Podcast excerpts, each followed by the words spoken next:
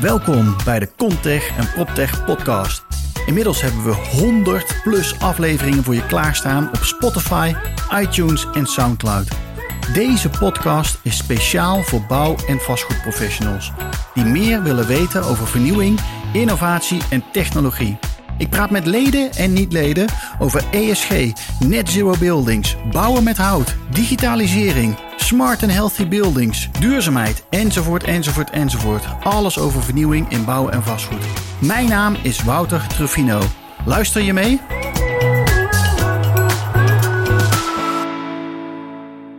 Ja, welkom bij weer en hoe is het nu met? Elke maand organiseren we eigenlijk twee van dit soort gesprekken die je ook terug kan luisteren als, als podcast. Het doel van de Hoe is het nu met sessies is eigenlijk om de mensen te leren kennen binnen de bedrijven die bezig zijn om een beter gebouwde omgeving te creëren. En dat doen we vandaag met uh, drie gasten heb ik uh, vandaag aan tafel. De eerste is Anke Rolfink. Welkom. Dankjewel. Van White Linus Technologies. Uh, Steven van der Werf van Bisner. Dankjewel. En Ted van Hero Balancer. Dankjewel. Welkom allemaal. Anke, om even met jou te beginnen. Wat is jouw nieuws van nou ja, de dag, zeg maar, van de week, van afgelopen week? Wat is je opgevallen? Het nieuws van de week. Uh, wat mij opge ja, Ajax is kampioen geworden. Nee, hè? gaan we het daarover hebben alsjeblieft? Ja, nee, ik zou het lief. Nee, ja, ik woon in een huis met drie mannen, dus dat kon me niet ontgaan. Maar inderdaad, een ander onderwerp is beter. wat verder? Wat, wat... Jij komt uit Rotterdam toch, Stefan? Ja, ik wil eigenlijk opstappen. Oké, okay, geen Ajax meer. Het interesseert me ook niet heel veel, om eerlijk te zijn. En wat verder is opgevallen is, er stond gisteren in de krant een artikel over de krapte in de arbeidsmarkt. Dat er veel meer vacatures zijn dan mensen om ze in te vullen. Ja. En Hebben jullie daar dat... problemen mee of last van? Of hoe, uh, hoe zijn jullie daarmee bezig? Goede mensen vinden is heel erg lastig. En ja, we zitten vaak aan hoge recruitment fees vast en dergelijke. Ja. Aan de andere kant denk ik, wat, waar, waarom ik het vooral nu ter sprake bracht, is omdat het wel ook weer kansen biedt voor bedrijven zoals hier aan tafel. Om ja, te innoveren, digitaliseren, automatiseren. Om eigenlijk ja, om daar oplossingen op te bedenken. Dat, dat er minder mensen nodig zijn. Dat er minder nodig, mensen nodig zijn, dat we dingen slimmer aanpakken. Ja. Want dat hoor je ook heel vaak nu terug in die discussie. Van hebben we inderdaad wel een tekort aan mensen? En als we een tekort aan mensen hebben, kunnen we die niet oplossen met, uh, met een stukje technologie? Ook in de zorg, minder mensen aan het, uh, aan het bed. Maar kunnen we dat met technologie, kunnen we ze toch uh, ondersteunen, zodat ze meer tijd krijgen om wel de juiste dingen te doen? Hoe, hoe zien jullie dat? Hebben jullie daar problemen mee met mensen aannemen of binnen je team? Ja, mensen aannemen sowieso. We ja. zoeken ook veel remote dus buiten, buiten Nederland. Kan misschien omdat we standaard Engels voeren in ons bedrijf. Dus, oh, dus je bent, wel, je bent wel flexibel. Ja.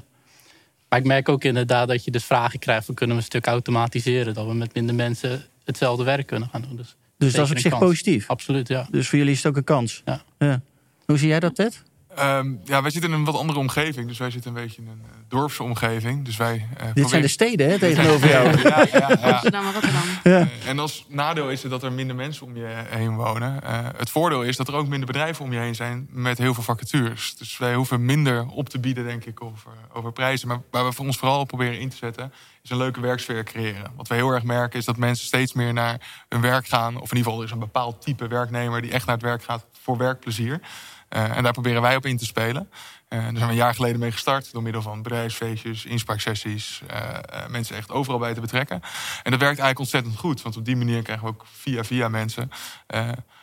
Ook al is dat nog een lastige markt. Ook voor ons is het een lastige markt. Ja, maar je ja. probeert ze dus te betrekken door inspraak te krijgen. Maar aan de tweede kant ook om plezier te organiseren. Ja. Twee, op twee vlakken. Ja, ik denk als jij met plezier naar je werk gaat. Dan werk je niet alleen productief. Maar blijf je ook gewoon langer. We proberen vriendschappen te creëren op de werkvloer. Door gewoon feestjes te organiseren, om het zo maar even te zeggen. Ja. Uh, uh, dus uh, ja, op die manier proberen wij binding te hebben. Maar we beseffen wel dat we een luxe positie hebben. Dat we niet in een grote stad zitten met heel veel mensen, met heel veel keus. Want dat is bij ons niet. We hebben redelijk unieke banen.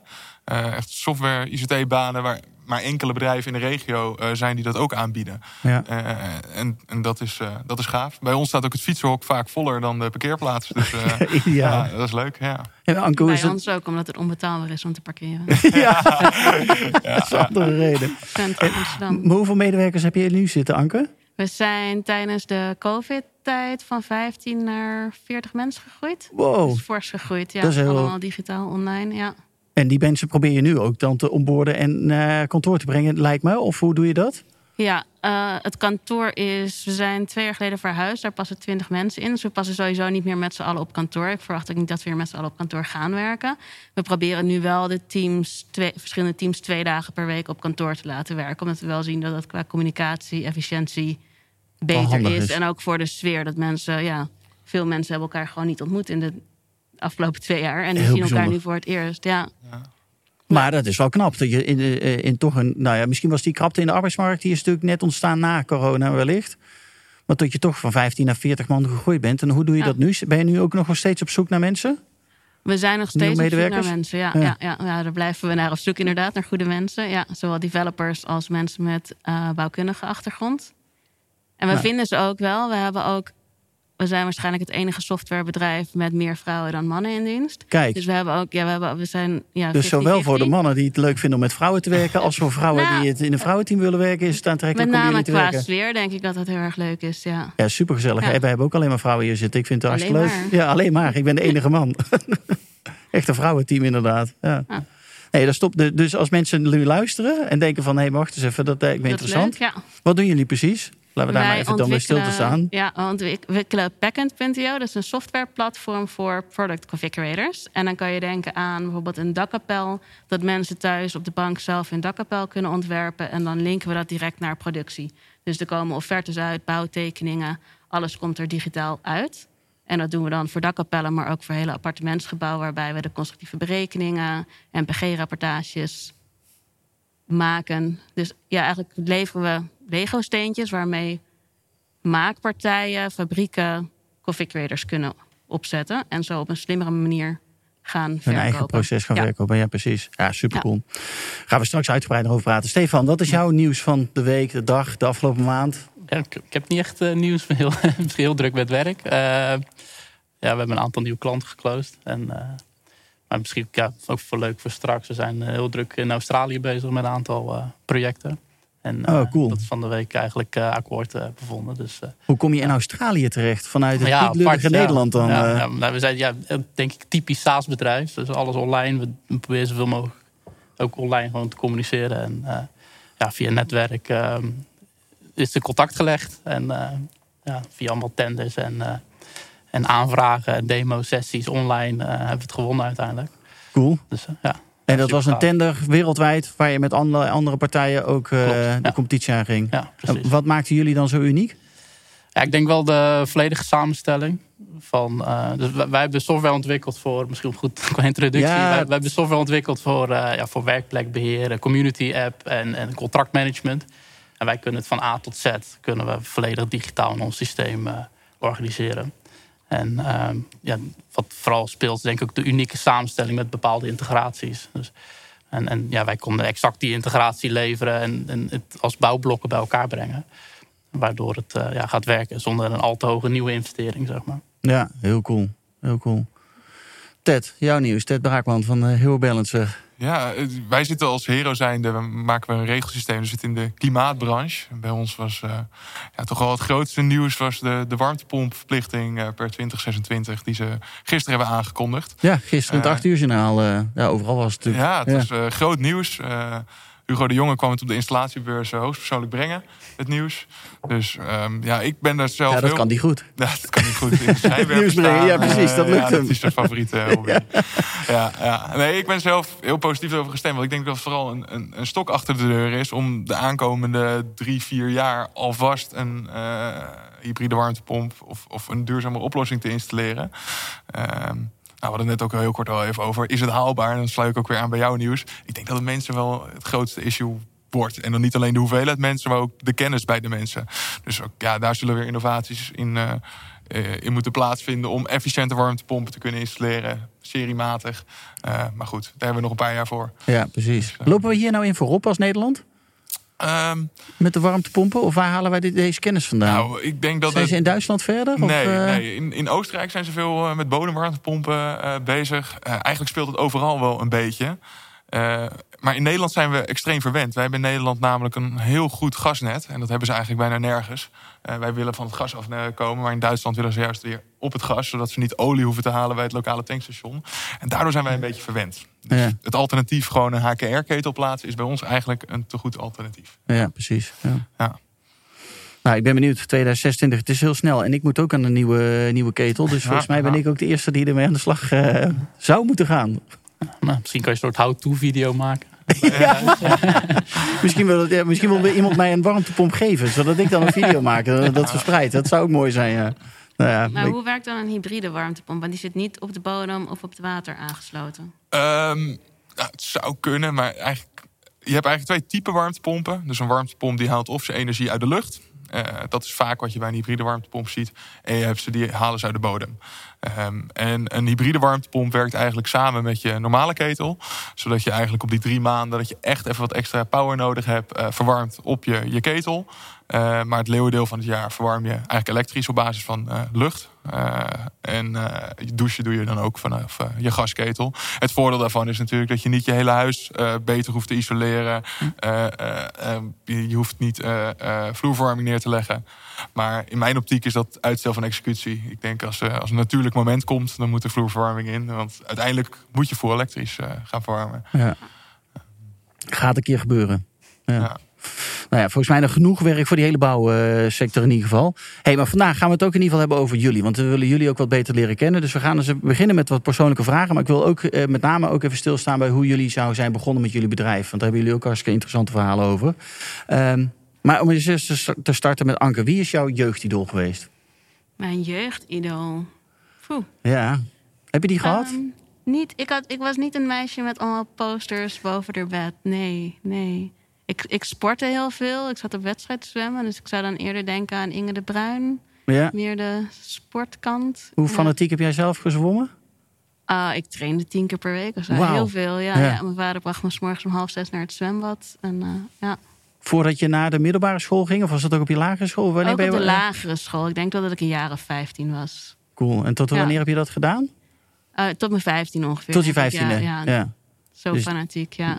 Cool, ja. Hoe ver ben je gekomen? Nederlands kampioen? Of wat, wat? Nee, nee, zo, zo goed was ik niet. Nee. nee, daarom ben ik waarschijnlijk ook gestopt op een gegeven moment. Wat voor slag deed je? Ah, ruggol was eh, mijn favoriet. Dat, dat, is, oh, dat is de meest ingewikkelde. Althans, die vind ik het meest ingewikkeld. Nou, vlinderslag is meestal met twee armen Ja, die is ook heel moeilijk. Ja, dat verdrink ik ook. dat is niet mijn favoriete hobby. Ja. Heel gaaf. Uh, wat is dat voor jou, Stefan? Heb jij een, uh, een jeugdidool gehad? Niet, niet dat ik echt weet. Ja, ik heb jarenlang gebasketbald. Ik al echt uh, acht, negen jaar. Dus dan ja, het zeker iets van Michael Jordan zijn geweest of, of iets in die richting. Ja. Waar ik wel naar opkeek. En uh, ook wel in de muziek, Michael Jackson. Uh, altijd, maar ik denk dat iedereen dat heeft. vanuit de jaren boven je bed? Nee, geen poster, nee. nee maar wel honderd keer dezelfde cd draaien. En ja. Zo hard mogelijk ook. En, dat had ik ook. We hadden eh, nog cassettebandjes kregen we van mijn ouders eh, die meegingen. Ja. Met z'n drieën achter in de auto en helemaal stuk gedraaid. Michael Jackson inderdaad. Ja, waanzinnig. Ted, wat is dat voor jou? Ja, ik ga het ook een beetje zijn, maar ik heb er goed over nagedacht. Maar ik kon er echt, nergens, op, ik kon er echt nergens op komen. Nee, maar er zijn wel idolen in, ja. in Schoonhoofd, toch? Uh, ja, geen idee. Ik was vooral vroeger heel erg met. Uh, ik was een beetje een nerd, dus ik zat vooral een beetje thuis achter mijn computer. En uh, sporten deed ik niet zoveel. Dat kon ik ook helemaal niet goed. Dus daar had ik geen idool uit. Dus ja, dat was een beetje. Ik heb niet echt jeugdidolen gehad. Maar wat deed je in je jeugd? Want was je dan al aan het programmeren en aan het doen? Uh, het, een klein beetje aan aan het klooien met heel veel dingen. Allemaal. Ja, wel een beetje programmeren, dingetjes laten werken. Uh, maar ja, die kennis was allemaal achterhaald. Wat ik op mijn 18, uh, voor mijn 18 heb gedaan. Dat is, ik ben nu, ja, ik ben altijd heel veel aan het werk geweest in, bij agrariërs. Dus ik heb eigenlijk nooit echt, nooit echt bezig gehouden met idolen. Wat wilde je worden toen je, later, toen je vroeger klein was? Ehm, nou, in het begin uh, wou ik altijd piloot worden. Dat is eigenlijk wel heel grappig, want ik ben ontzettend ongeduldig en onnauwkeurig. Dus dat zou een heel, heel slecht, uh, heel slecht plan geweest uh, zijn. Maar uiteindelijk wou ik al vrij gauw ondernemer worden. En dat maakt me eigenlijk niet zoveel uit wat. Maar mijn ouders waren ook ondernemer. dus op die manier is me de paplepel ingegoten. En toen ben ik ook op mijn zestiende ben ik mijn eerste bedrijf gestart. En ja, ik wou vooral winnen. Dat wil ik. En dat wil ik nog steeds. Ik wil altijd gewoon winnen. Dus dat was ook wat ik toen deed. En wat bedoel je dan met winnen? Het, nou, het beste bedrijf bouwen? Zeker, of, de, marktleider worden. Ja, marktleider, dat is, ja, ja. dat is het allerbelangrijkste. Dus dat, is, dat is ook waar, ja, waar we ook onze bedrijfscultuur op baseren. Maar ook de motivatie waardoor ik uh, soms mijn wedstrijd kom. Dus elke keer gewoon opstaan en proberen te motiveren om het tien keer beter te doen dan de rest. Ja, ja en dan niet bezig zijn met longshots, moonshots. Maar gewoon iedere dag moet er gewoon een klein beetje beter gaan dan de dag ervoor. En dan, dan kom je er, denk ik. En hoe groot is jouw winnen? Is dat het grootste worden in Nederland, maar ook wereldwijd? Of hoe, hoe, wat is winnen voor jou? Ja, nou, wij als Hero maken dus een, een GBS in de cloud, dus een softwareproduct. Uh, en dat maakt het ook uniek. Want eigenlijk alle onze concurrenten zijn een hardwareproduct. Uh, en ik geloof er echt in dat we omdat we daarmee de, een van de eerste zijn die het echt op schaal weten toe te passen. Dat wij niet alleen in Nederland marktleider gaan worden, maar ook in Europa. Cool. Ja. Heel cool. Wat is dat voor jullie? Hebben jullie ook zo'n ambitie, zo'n drive om te, te ondernemen? Ik kom ook uit een ondernemersfamilie, dus dat zat er ook al vroeg in, inderdaad. Oh, echt? Ja. Ja, ja maar toen ik op de middelbare school zat, wilde ik naar de kunstacademie wilde ik graag. Maar ik was veel beter in beta-vakken. Uiteindelijk heb ik psychologie gestudeerd en toen een jaar biomedische biologie, wow. medische biologie. En daarna heb ik civiele techniek gestudeerd, toen nog een jaar architectuur. Uiteindelijk constructiemechanica afgestudeerd. En toen kwam ik achter software en dat vond ik veel leuker, veel spannender dan betonnen constructies uitrekenen. Cool. Dus toen echt de softwarekant opgegaan. Ja. En toen ook dus uh, gelijk met je onderneming begonnen? Of hoe is nee, dat? Nee, nee, nee. Ik heb een aantal jaar bij Arab gewerkt. Oh ja. Wel in de wel, Ja, wel in de competition groep. Dus wel echt aan de softwarekant. En we bouwden daar oplossingen voor projecten waar, waar eigenlijk geen software um, nog was om bijvoorbeeld de constructie door te rekenen of om het te ontwerpen. En daar bouw, ontwikkelden wij oplossingen voor. En op een gegeven moment dachten we van dit gaan we gewoon voor onszelf doen. We willen echt dit als een product in de markt zetten en niet op projectbasis met deadlines en weinig budget. En ja. Dus van daaruit uh, eigenlijk is dat idee ontstaan. En ben je dat met meerdere collega's toen tegelijkertijd begonnen? Of hoe, ja, met één collega van Arab zijn we met z'n tweeën gestart, ja. Cool. Ja. Heel cool. En vanaf het begin af aan succesvol? Of, uh... Want hoe, hoe start je? Want je hebt geen klanten, je hebt waarschijnlijk niks. En ja, Arab, die, is, en Arab die denkt waarschijnlijk van wacht eens even, dat doe je nu bij ons. Je gaat weg, mag dat wel? Of hoe, uh... Ja, weggaan mag altijd. We waren inderdaad heel erg naïef. We dachten, we gaan gewoon een jaar op zolder zitten, programmeren. En dan hebben we het beste product en dat zetten we op de markt. En wil iedereen het hebben. Dat, ja, dat idee. Ja, dat en, dan, en dan? Dat was helemaal niet zo natuurlijk.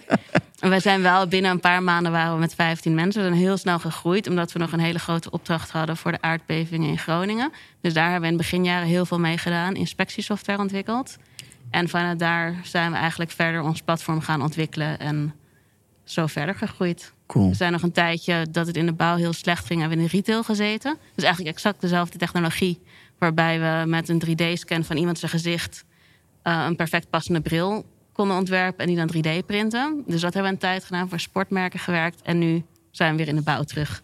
Omdat daar eigenlijk ons hele netwerk ligt. Daar kennen we, hebben we een achtergrond in. Ja, dan weet je precies wat de problemen zijn. En dan weet je ook wat voor, ja. wat voor technologie je moet bouwen. Of wat software je moet bouwen. Om die bouw vooruit te helpen. Ja, uh, ja. Cool. maar dus uh, veel omzwervingen. Ja. Stefan, wat is dat voor jou? Uh...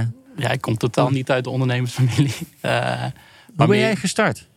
ja, een beetje erin eh, gerold vanuit hobby ook. Dus uh, in, in, 2000 begonnen met internet. En heel simpel zelf websitejes. 2000? 2000 ja, dat was echt helemaal in het begin. Ja. ja. En, uh, hadden we ADSL-lijnen, denk ik, liggen. Ja, ja dan zo'n een pieptoontje. Ja, precies. ja. hadden we ook, ik had ook altijd ruzie met mijn broer om uh, wie, wie als eerste mocht inbellen. internet.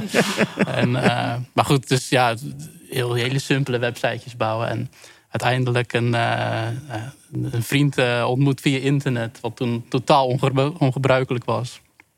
En zijn we websites uh, gaan maken samen.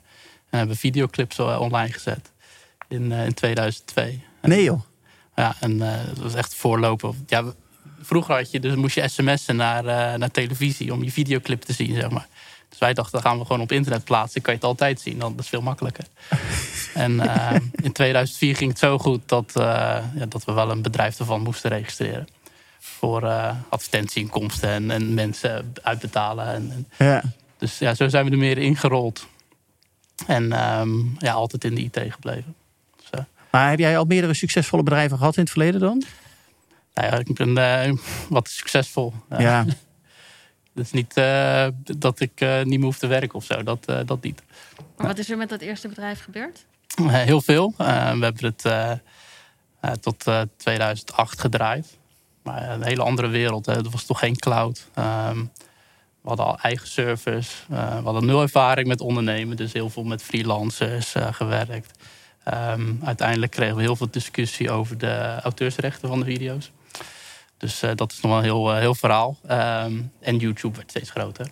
Ja. we waren een van de eerste AdSense gebruikers van Google. Dus voor het uitbetalen van eh, advertentieinkomsten. Maar ja, dat ging op den duur ook door middensteden. Dus ja, daar, leer, daar leer je ondernemen wel uh, onder druk, zeg maar. Ja. En uh, uiteindelijk zijn we ermee gestopt, omdat het gewoon uh, niet meer haalbaar was. En, en nu, want ben je met hetzelfde clubje ondernemers business dan ook begonnen? Nee, toen zijn we gewoon echt op detachering in de IT gegaan. Dat, dat, hebben we jarenlang gedaan. Maar het wordt ook wel saai op den duur. ja. Maar je hebt het over we. Ja, dus een klein groepje van jongens waar we altijd mee werken. Dus het standaard groepje, zeg maar. Ja. En daaromheen hebben we een netwerk van bouwers waar we veel mee doen. En ja, die werken nu ook voor ons. Leuk. Ja. En vanuit dat hele saaie voor de detachering werken. Want je bent altijd de externe. Je bent altijd degene die de problemen komt oplossen. En dan mag je weer weggaan natuurlijk. Um, ja, dat was zoiets van, ja, we willen het gewoon weer zelf gaan doen. En um, hebben we een aantal start-ups uh, zijn we uh, mee gaan werken. Um, gewoon met kennis en techniek, wat we hadden ontwikkeld. Ja. En ja, de grootste daarvan is, uh, is een sportplatform. Nou, dat deden we samen met uh, Ruud Gullet, als ambassadeur van ons, oh, cool. onze start-up. Ja. En, en, dat is twee jaar geleden verkocht. voor veel geld. Leuk. Ja. En wanneer ben je begonnen met business dan? In business zijn we begonnen in 2004. Dus, Oké, okay, dus dat liep daarnaast al? Dat liep naast al. Ja.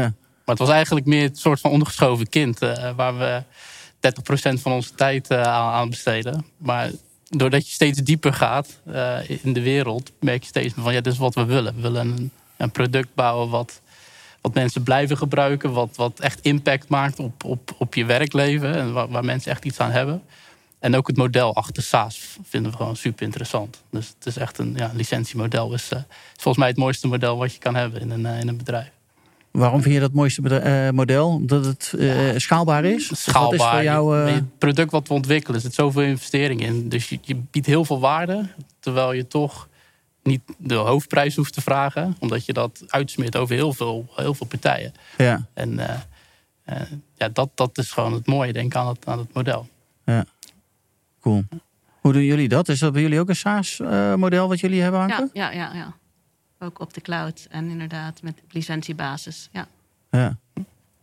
Ja, bij ons net zo. Het zal hetzelfde zijn, of niet bij jullie, Ted? Ja, het enige is dat wij natuurlijk ook hardware moeten installeren. Dus daar zit ook al een eenmalige fee aan. Maar het is voornamelijk uh, een software licentie die je afneemt. Ja.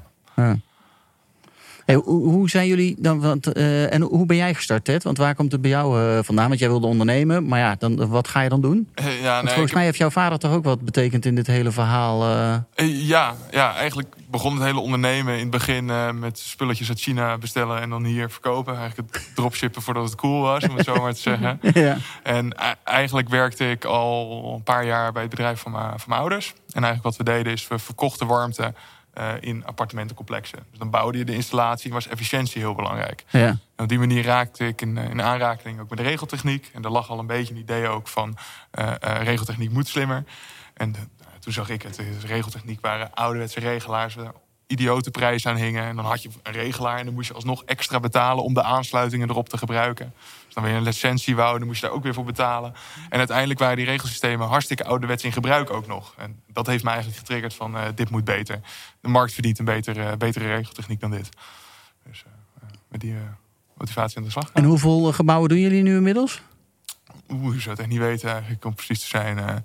Uh, 300, 400, zoiets. Zo, kijk. En we hebben er ook nog ja. een paar honderd ook nog verkocht. Maar die moeten we dan nog uitrollen. Ja. Dus uh, uh, ja. Ah, dus dat begint ergens op te lijken. Het begint ergens op te lijken. Ja. Ja, En is dat dan al de marktleider die je wil zijn? Of wat heb je daar nog meer voor nodig? Uh, nee, daar zijn we nog zeker geen marktleider waar we willen zijn. We zitten een beetje op het, het kleine segment, dus tot 5000 vierkante meter. Ik denk in mijn optiek een heel onderbelicht segment. Het grootste segment in de gebouwde omgeving. Nee, als we marktleider zijn, onze marktleider doet 25.000 live installaties per jaar. Kijk, dus, ja. daar moeten we naartoe. Ja, cool. Ja. Hoeveel jaar heb je daar nog voor nodig? Oeh. Oeh. nou, we verdubbelen ongeveer ieder half jaar in sales. Ik denk iedere keer van, nou, het aankomende half jaar gaat het weer niet lukken. Maar ieder, iedere, keer gebeurt toch wel. iedere keer gebeurt er weer iets. Ja, nu waren het weer sensoren die verplicht zijn in scholen. Uh, en betaald door de overheid. Nou, dat, dat heeft ons ook geholpen. Dus we het op die manier doortrekken, moeten we er met een jaar of vijf ook kunnen zijn. Cool, heel cool. Hey jongens, hoe was voor jullie de afgelopen periode? Want uh, nou ja, corona is weer een beetje weg. Je, je merkt dat die hele bouw, vastgoedsector, die staat ook weer open om, om allerlei dingen nu te ondernemen. Hoe hebben jullie dat ervaren? Anko, hoe gaat het bij jullie?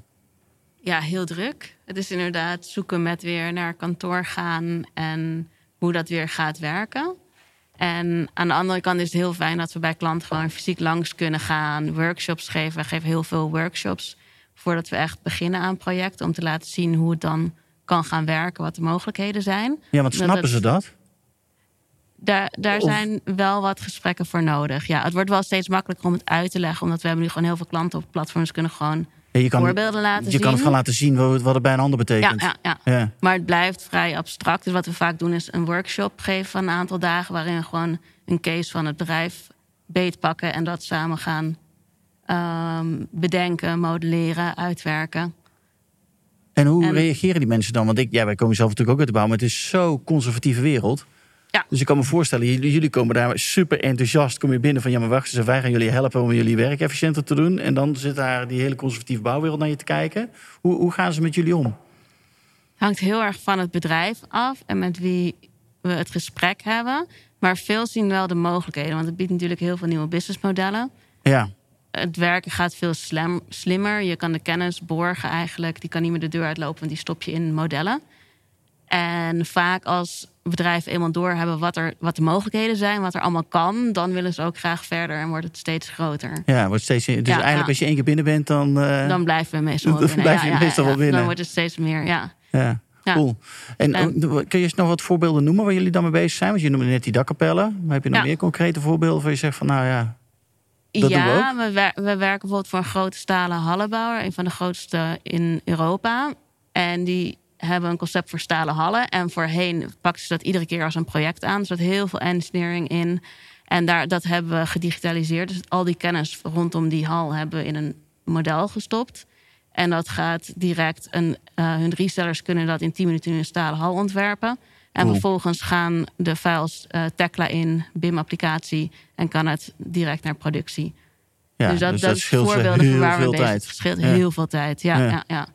Cool. En het enige wat dan iemand nodig heeft, is waarschijnlijk gewoon de grootte van zijn oppervlakte die hij nodig heeft. En uh, hoogtes en noem maar op. En dan afmetingen. Eh, afmetingen. en dan heb je je hal helemaal uitgeïngineerd staan. Ja, waar de openingen moeten komen, wat het gebruik is, isolatiewaardes, al dat soort dingen. Ja. Ja, maar vervolgens. En vervolgens gaat het eh, model aan de, aan de slag om het allemaal uit te werken. Vet, heel cool. Ja. En zo zijn we ook bezig met appartementsgebouw, waar we dan ook de, ja, de constructieve berekeningen geautomatiseerd doen. Dus als je het van zeg drie verdiepingen naar vier verdiepingen verandert, dan verandert alles mee. Je hebt eigenlijk altijd een kloppend model. Waardoor, omdat alle kennis zit er al in en daardoor klopt het ook altijd. En kan je eigenlijk, want de opdracht die we kregen was om een appartementsgebouw het traject van twee jaar naar een half jaar te verkorten. En dat hebben we naar een half uur verkort. Omdat, nee. Ja, dus alle bouwaanvragen, alles komt er, kan er gewoon geautomatiseerd uitkomen. Cool. Ja. ja, dat is wel heel vet. En doe, je, doe je doen dit met name dan ook voor ontwikkelaars? Kan ik me voorstellen. We werken voor eh, aannemers, ontwikkelaars, maar ook voor ingenieursbureaus die hebben dan geen producten, maar die digitaliseren hun kennis eigenlijk. Ja. Dus waar een constructeur bijvoorbeeld een kolomberekening keer op keer steeds zelf toepassen, kunnen ze dat nu in een digitaal model stoppen en kan het gewoon per berekening voor betaald worden. Ja. En zo ja, we leveren ook MPG-berekeningen en ja, eigenlijk alles digitaal. En zo kunnen, krijg je meer ja, ook ketens in de bouw van mensen, van bedrijven die kennis digitaal uitwisselen. Ja, super. Ja. want jullie verbinden jullie dan ook partijen met elkaar? We verbinden ook partijen met omdat elkaar. je ja. voor het ene dat hebt ontwikkeld... en je ziet van, nou, maar dat heeft die partij nodig... en ga eens met elkaar praten. Ik kan me Ja. voorstellen dat je dat heel makkelijk voor elkaar kan krijgen. ja, absoluut. Ja. Ja. Interessant, interessant. Ja, dan, zi- dan zeggen ze soms wel eens dat die bouw eh, eh, misschien eh, qua digitalisering nog heel veel stappen te maken heeft. Maar hoe kijk jij daar dan tegenaan? Ik denk dat er heel erg veel gebeurt. Het is natuurlijk een hele grote markt. Er Ja. gebeuren overal ook met 3D-printen. Er gebeuren heel veel dingen. En we horen het eigenlijk wat ik net... Ja, ik vertelde net dat we ook in de retail gewerkt hebben. We hebben ook voor eh 3D-printen bij Hazelholt een project gedaan. In de lingerie. En daar zeggen ze ook van... Ja, dit is echt de meest conservatieve markt die er maar is. Iedereen de, vindt de, dat van de zichzelf. brillen zeiden dat, de sportsproducten Ja, zeiden iedereen dat. vindt dat waarschijnlijk En- van zichzelf. Ja, ja, ja. En daar hadden we concepten. En dat, is, ehm, dat gaat echt heel erg traag in die markt. Want daar heb je echt tien partijen ertussen voordat een product op de markt ligt. En in de bouw, ja, ik, wij zien wel heel veel ontwikkelingen gaande. Het gaat nu ineens snel. Het gaat snel. Ja, ik vind het dat er wel veel gaande is en dat het steeds sneller gaat. Ja. Cool. En het moet ook wel natuurlijk, want iedereen ja. is ermee bezig. En we hebben ook En het 1 moet miljoen ook huizen te bouwen. Dus hoe gaan we dat proces moet gewoon versneld ja, worden. Ja, ja, en Ja. zoals met de warmtepomp. Het moet ook duurzamer, slimmer. En dat kan ook gewoon. Dus dat, ja. Cool. Stefan, hoe heb jij je? Want jullie hebben natuurlijk jarenlang eh, ook heel veel eh, geld gestopt in die ontwikkeling van, eh van Business. Zeker. En nu Ja. heb je een waanzinnig gaaf platform eh, staan. Ehm, kan je daar eens wat meer over vertellen wat, wat er bij, bij jullie gebeurd is maar, de afgelopen maanden? Want die coworking, jullie zitten met name heel specifiek op coworking. Klopt. Dat is natuurlijk booming gewoon. En zeker ook Ja, na... en, en bedrijfsverzamelgebouwen. Dus we zijn vooral goed met eh, campussen, denk ik. Ja, Dus eh, bij, bij elk campusgebied in Nederland, daar draaien we wel op dit moment. Ehm, ja, er gebeurt zoveel. Ik zit gewoon na te denken, wat is nou echt, eh, echt, echt de top drie, zeg maar. nou ja, welke, Maar- welke, welke toegevoegde waarde leveren jullie dan het meest op zo'n campuscomplex? Want waarom kiezen partijen voor jullie?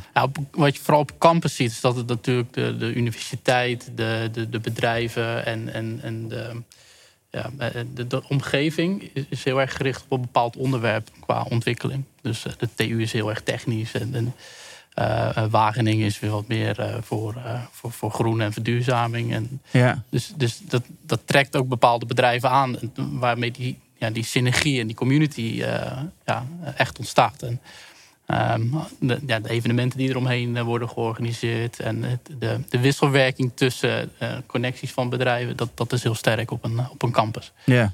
En eh, ja, dat past gewoon perfect in, in wat, wat, wij wat leveren. doen als jullie dan? Wat leveren jullie dan Ja, daarin? wij Omdat- leveren, ja, leveren die zijn eigenlijk de digitale blijkbaar. laag, zeg ik altijd maar. Dus wij kunnen eh, volledig inzicht geven aan alle gebruikers. Wie, wie, wie er zit, eh, wie er huurt, welke evenementen er zijn, maar ook welke ruimtes te, te boeken zijn.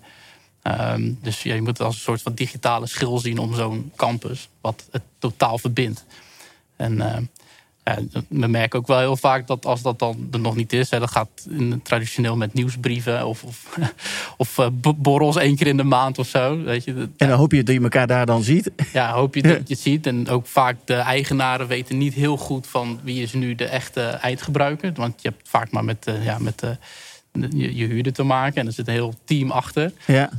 Dat brengen wij volledig inzichtelijk. Wat voor kennis er echt, echt op zo'n campus eh, speelt. Maar ook Cool. in coworking en, en bedrijfssamengebouw. En eh, leveren jullie dat white labeled? Ja, Of hoe- volledig white label. Ja, dat is natuurlijk ook Ehm. uniek. Want er zijn heel veel partijen die zeggen van... nou, dat moet mijn eh, naampje moet erop staan. Maar Ja, dat, nou, prima. Wij leveren gewoon de dienst, een soort van infrastructuur wat je kan gebruiken. En eh, ehm, we verzorgen alles, we hosten alles, ehm, we ontwikkelen door. Als één campus specifieke behoeftes heeft, nou, dan wordt het toegevoegd aan het product, dan hebben anderen daar ook profijt van. Ehm, ja, super schaalbaar, alles is modulair opgebouwd. Dus je kan zelf kiezen wat je nodig hebt en eh, activeren online in het eh, systeem. Cool. Heel cool. Ja. Ja. Ja, er gebeurt zoveel.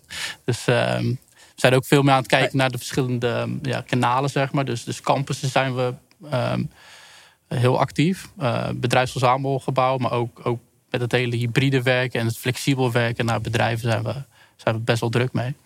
En ehm, ja, zeker de laatste drie tot zes maanden heel veel ingezet op partnerships met andere bedrijven uit, eh, uit deze wereld. Dus op het gebied van eh, toegangscontrole, eh, parkeren, sensoren, nou, noem ze allemaal maar op. Om dat toch allemaal bij elkaar te brengen. En zijn jullie dan het overkoepelende platform? Waar alles in... in, in want heb je dan die ja, data alles ook is, nodig? alles is wel Of- veel. Ehm, Ja. We proberen het voor de eindgebruiker bij elkaar te brengen. Dat Ja. het, dat het eh, te bevatten valt, zeg maar. ja. Dus, eh, stel je wil een, wil een parkeerplek boeken en een vergaderruimte, dan kan je dat in één keer in één app doen. En wij zorgen dat dan in de juiste systemen dat Te, terechtkomt. terechtkomt. Ja, dat is wel makkelijk. Want je wil niet als, als bezoeker van een campus wil je vijf verschillende appjes hebben om een ruimte te reserveren, om je trein te boeken of je, je parkeerplek of je ook ik wel niet wat, of een evenement te bezoeken. Dat wil je allemaal niet. Nee. Je wil ook een deur kunnen openen, maar het maakt niet uit wat voor slot erop Precies. zit als eindgebruiker. Dan. Ja, nee, en dat wil je eigenlijk allemaal via die ene app. Want anders ben je weer aan het zoeken van hoe ging ook weer die deur open met welk ja. appje. Ja, drama. Ja. En misschien wil je ook nog wel de temperatuur regelen. Wellicht. Alles is mogelijk. ja, zeker. Ja. je moet eindgebruikers niet te veel controle geven over sommige dingen, denk ik. Nee, dat is waar. Dat is waar. Want hoe doen jullie dat? Want eh, als, jullie, als ik de temperatuur wil regelen in een gebouw, dan kan dat wel, toch? Uh, ja, ja, wat wij eigenlijk doen is voornamelijk voorregeling. Dus dat is eigenlijk de regeling die gebeurt in de technische ruimte. En wat mensen gewend zijn om te bedienen is naregeling. Dus dat is je thermostaatknopje of je drukknopje aan de muur. Ja. En uh, die blijven intact. Dus op het moment dat jij het hier te koud of te warm hebt, dan draai je aan de knop. En onze hero boven in de technische ruimte, die, die produceert alleen de warmte die je dan afneemt. Ja. Het is natuurlijk wel zo, als je met twintig man in een kantoor zit... dan heeft er altijd vijf mannen te koud, vijf mannen te warm. Ja, en de rest vindt het prima. en de rest vindt het prima. Dus het is altijd een beetje zoeken naar de, de middenweg. Ja. Er zit ook een verschil tussen vrouwen en mannen, toch? Volgens mij is het voor vrouwen die willen het graag één graad warmer hebben dan mannen. Ja. Je daar een oplossing voor? Uh, nee, hadden we die maar. Uh... We hebben, hier, we hebben, we hebben dekentjes. Dekentjes? Ja, dat, is, dat, is, echt waar. Het is ongelooflijk. Ze liggen er nog steeds. Hele goedkope oplossing. Ja. Werkt ontzettend goed, denk ik. Zeker in de tijd met deze gasprijzen. Dan, uh... Gewoon een extra trui aantrekken. Of een dekentje neerleggen. Of alleen vrouwen aannemen. Toch? Heb je de discussie niet? Nee, dan heb je de discussie niet. Dan doe je het gewoon één graad warmer. En dus voor iedereen is het goed. Ja. ja. goed. Nou ja, hey, maar hoe zien jullie, uh, uh, dat is warmte, uh, toekomst? Want hebben jullie nog ideeën om waar je, waar je naartoe zou willen ontwikkelen? Wat, waar zijn jullie mee bezig? Um, nou, waar wij, Shoot. Ja, waar wij heel erg mee bezig zijn, is, is schalen. En dat zijn we ook de afgelopen maanden mee bezig geweest. Dat zal de aankomende tijd ook zo zijn. Maar wat onze visie is qua regelsysteem, dat is nu een redelijk gesloten wereld. Je moet partner zijn, je moet spullen halen. Uh, uh, bij een installateur. Het is heel complex. En wat wij, wij willen het eigenlijk voor de installateur makkelijk maken. En daar zijn we eigenlijk in allerlei hele kleine stapjes. Want dat is wel belangrijk in een conservatieve markt. Om kleine stapjes te maken. Anders uh, sla je een hele hoop mensen tegen de borst. Uh, wij willen eigenlijk naar een toekomst toe waar je uh, als installateur heel makkelijk zelf in een webinterface met een zeven dagen gratis draaien of bijna zoals iedere andere SaaS-tool gewoon je regelsysteempje in elkaar klikt. En dat je gaat pas betalen als er hardware aan hangt, om het zo maar te zeggen. Ja. En, wij denken ook dat het nodig is, omdat heel veel panden, zoals ook deze van het middensegment, die verwarmen gewoon dag en nacht. En dat is zonde eigenlijk alleen maar omdat er waarschijnlijk een knop hangt die iemand aan het einde van de dag naar beneden moet draaien. En, en dat vergeet. Nou ja, vergeet of bewust niet doet, omdat ze het een beetje vervelend vinden dat het dan ochtends koud is. Ja. Uh, nou, dan koop je een klokthermostaat. Nou, die worden één keer ingesteld. is één keer een feestje en dan blijft die iedere avond uh, laat verwarmen, omdat iemand het één keer heeft aangepast. um, dus om in zulke gebouwen heel veel gas te besparen en heel veel comfortwinst te, te boeken, uh, moeten wij veel meer nog uh, ons product software viseren, om het zo maar te zeggen. Ik weet niet wat de juiste term daarvoor zal zijn, maar ik denk dat we weten wat ik bedoel. Cool. Ja. En dat is voor de roadmap, daar ben je nu druk mee bezig om dat. ja, we doen het stapje voor stapje. Ja. Dus op dit moment wel eigenlijk een beetje een, een drie stappen plan. We zijn ooit begonnen met zelf installeren, zelf verkopen. We zijn nu eigenlijk bij stap 2 gekomen. En dat is dat iemand anders het installeert en wij het configureert. En de laatste stap is dat eigenlijk degene die het bouwt het ook zelf. Uh, of, of zelf degene die de draadjes aansluit, om het zo maar te zeggen, uh, het ook zelf kan configureren. Ja. Uh, en dan ben je op het punt gekomen dat. dat iedereen het kan. Dat eigenlijk iedere installateur het kan. Ja. ja. ja. Mooi. Anke, wat is dat voor jou? Hoe ziet de toekomst eruit? Het is een beetje op hetzelfde vlak. Ons platform was tot op heden dat wij het echt zelf moesten configureren, implementeren samen met bedrijven. En we zijn nu bezig met een open versie waar bedrijven het eigenlijk zelf kunnen. Een soort van self-service platform. We zijn nu aan het beta testen met een aantal grote ingenieursbureaus, aannemers, architecten. Cool. En we hopen dit jaar nog ja, een open platform te hebben waar we bedrijven eigenlijk het zelf kunnen gaan gebruiken en zelf hun kennis kunnen modelleren. En, en wat krijgen ze dan van jullie? Want krijgen ze dan, want jullie hebben het altijd over die blokjes. Kunnen mensen dan zelf met blokjes iets in elkaar zetten, zeg maar, à la ja. Lego? Ja, aan de hand van visueel programmeren. Dus ze hoeven niet zelf te programmeren, maar ze kunnen eigenlijk blokjes aan elkaar klikken via een user interface. Dat is het laatste stukje van ons platform wat nog mist. En daar zijn we nu, dat hebben we afgelopen tijd ontwikkeld en daar zijn we nu heel hard mee bezig. Vet. Waardoor het veel toegankelijker eigenlijk wordt en veel schaalbaarder. Dus we kunnen ook dan hard doorgaan schalen. Want dan hoef je niet meer die mensen allemaal in dienst te hebben. Dan is het gewoon een kwestie van mensen toegang geven tot jullie platform. En dan uh, kunnen ze ja. daarmee aan de gang. Ja. Er zit een totaal ander verdienmodel achter, waarschijnlijk. Het is veel meer license-based inderdaad, license echt een product. Dat hebben we nu wel ook al. Maar nu zijn we zelf nog nodig om het te implementeren, configureren. En daar zullen we voor een deel van afgaan. We verwachten wel voor een aantal klanten dat te blijven doen. Maar een heleboel klanten kunnen het ook gewoon zelf gaan doen. Hebben mensen dan nog uh, Autodesk software nodig? Ik ben zelf ook vroeger in Autodesk het een en ander getekend. Maar ja, heb je dat dan ook nodig? Of gaat achter... het dan allemaal automatisch? We werken in de achtergrond met Rhino Grasshopper. Dus dat is een soort van hetzelfde. Ja. Dus daar is wel kennis van nodig inderdaad. Ja. ja. ja. ja. Cool. Stefan, wat is dat voor jou? Jullie hebben al zoveel koppelingen gemaakt. Maar wat, uh, wat heb je nog in de toekomst op de planning staan? Uh, ik denk dat we vooral nu uh, willen eff, ja, eff, effectueren van alle samenwerking die we hebben. Dus met alle partijen zijn we eigenlijk een soort standaard naar de markt aan het brengen. Dat dat, dat volledig ja, geïntegreerd kan werken. Dus, dus wil je een echt smart gebouw met vanuit één app uh, deur, toegangscontrole, parkeer, nou, de hele, het hele verhaal. Dan, dan, dan staat dat meerdere, er gewoon. Dan moet je met meerdere partners dus gaan samenwerken en een goede afspraken ja, maken. Ja, ja we zijn nu met alle partners samen dat aan, naar één totaaloplossing zeg maar, aan het brengen. Waar natuurlijk ah, Ga je dan ook concurreren met partijen zoals Spacewell en, en dat soort partijen? Uh, Lijkt me wel een ja, vel je niet wil komen natuurlijk.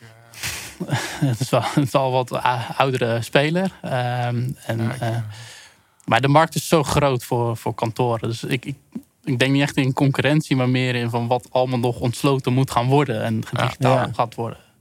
Ja, dat is immens. Dat is een immense oplossing. Zoveel, en ik denk ook, wat jij zegt, er zit natuurlijk ook een enorme opgave. Want er zijn echt zoveel verschillende oplossingen die helemaal bezig zijn ja. in die space van gebouwen. Mhm. Dat daar, als daar iets van samenhang eh, in komt, is het voor de eind, voor die nou ja, eigenaar van die gebouwen ja. misschien ook duidelijker welke keuzes die moet maken. Van, nou, maar wacht eens even, als ik met die keuze maak, dan krijg ik daar een heel setje van oplossingen bij. En dan ben ik al een heel eind op weg. Ja, ja en ja. Wat, wat vaak denk ik ook uh, verkeerd begrepen wordt, is dat, dat community of, of een werkplek-app of zo'n tenant-app is niet alleen maar voor één gebouw. Het is vaak voor het merk, uh, meerdere, uh, meerdere gebouwen in een portfolio. Uh, en ook de wisselwerking daartussen. Dus je hebt dan bijvoorbeeld een, uh, een huurder, die heeft dan zijn eigen tools.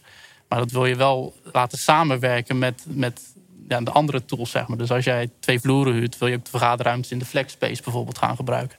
En je wil toegang tot de algemene parkeerruimtes. Ja. Um, en, en de wisselwerking tussen, tussen eigenaar van een, van een gebouw of, of gebouwen en, en wat je huurt. Uh, en, en, dan huur je bij verschillende partijen. Ja, dat is, dat is complex. Dat is zeker complex. Ja. Want dan moet het in gebouw A, gebouw B... moet het allemaal op dezelfde manier geregeld zijn. Ja, dus dat proberen wij wat meer uh, een standaard in te gaan maken... waar je wel flexibel bent om je eigen Active Directory eraan te koppelen... en um, je eigen systemen, zeg maar. Cool. Ja. Leuke opgave, toch? Voor, ja, zeker een mooie opgave. Hele mooie opgave. Komende vijf jaar. Komende vijf jaar. Nou, mooi. Nou, dan moeten we jullie sowieso snel weer een keer aan tafel uitnodigen. Uh, superleuk om jullie zo een beetje te leren kennen. Dank jullie wel dat jullie aanwezig waren. Anke Rolvink van White Liners Technologies. Uh, Stefan van der Werf, Business. Ted Braakman van uh, Hero Balancer. Dank jullie wel. Ja, Dank je wel. Vanmiddag hebben we nog een gesprek staan, om een uur of drie volgens mij uit mijn hoofd. Uh, daar hebben we een tweede gesprek staan, dus ik hoop dat je daar ook naar, uh, naar mee gaat luisteren. Daar hebben we vier gasten aan tafel uh, zitten. En voordat we gaan afsluiten wil ik jullie allemaal uitnodigen natuurlijk voor ons eigen kennisfestival. Want 20 tot en met 22 september gaan we een kennisfestival organiseren. Waar we veel dieper ingaan op al die onderwerpen waar we het net ook over gehad hebben. Digitalisering in de bouw, uh, uh, communities binnen, binnen kantoorgebouwen. Uh, maar natuurlijk ook verwarmingen via de, via de cloud. en je kantoor op de juiste temperatuur krijgen. Daar gaan we het allemaal over hebben op dat kennisfestival. Dat gaan we doen op de Zuidas in Amsterdam. We hebben partners van de gemeentes, woningbouwcorporaties. Allerlei partijen doen, doen mee. En uh, ik hoop je daar ook te zien. 20 tot en met 22 september. Dankjewel. Fijne dag allemaal. En tot ziens. Dankjewel voor het luisteren naar deze aflevering van de Contech en PropTech podcast. Ik hoop dat je andere afleveringen ook gaat luisteren. Maar ik hoop dat je natuurlijk ook een keer naar ons clubhuis komt in Amsterdam. Waar wij om de twee weken een masterclass organiseren over verschillende onderwerpen. Maar ook altijd op de eerste vrijdag van de maand een draait door show maken. Een echte tv-show met publiek aanwezig. Waarbij we natuurlijk borrels organiseren. Zodat mensen elkaar kunnen ontmoeten en netwerken met elkaar. Zodat er een beter gebouwde omgeving gecreëerd kan gaan worden. Ik hoop je snel te zien. Of in ieder geval online of fysiek. En ik wens je nogmaals een hele fijne dag toe. Tot snel!